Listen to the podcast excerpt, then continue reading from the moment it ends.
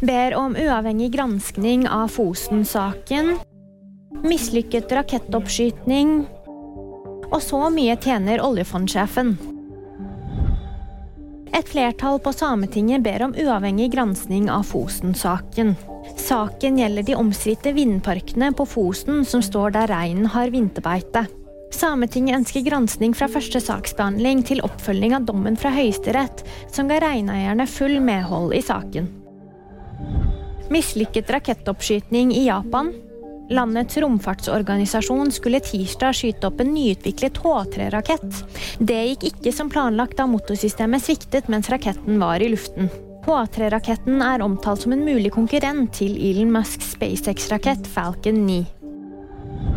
Oljefondsjef Nicolai Tangen har gått opp i lønn. Han tjente nesten 6,9 millioner kroner i fjor. Det viser fondets årsrapport som ble publisert tirsdag. Året før tjente han omtrent 6,3 millioner kroner. Det er en lønnsøkning på 9,3% Det var VG nyheter. De fikk da meg, Jamunpreet Gahr.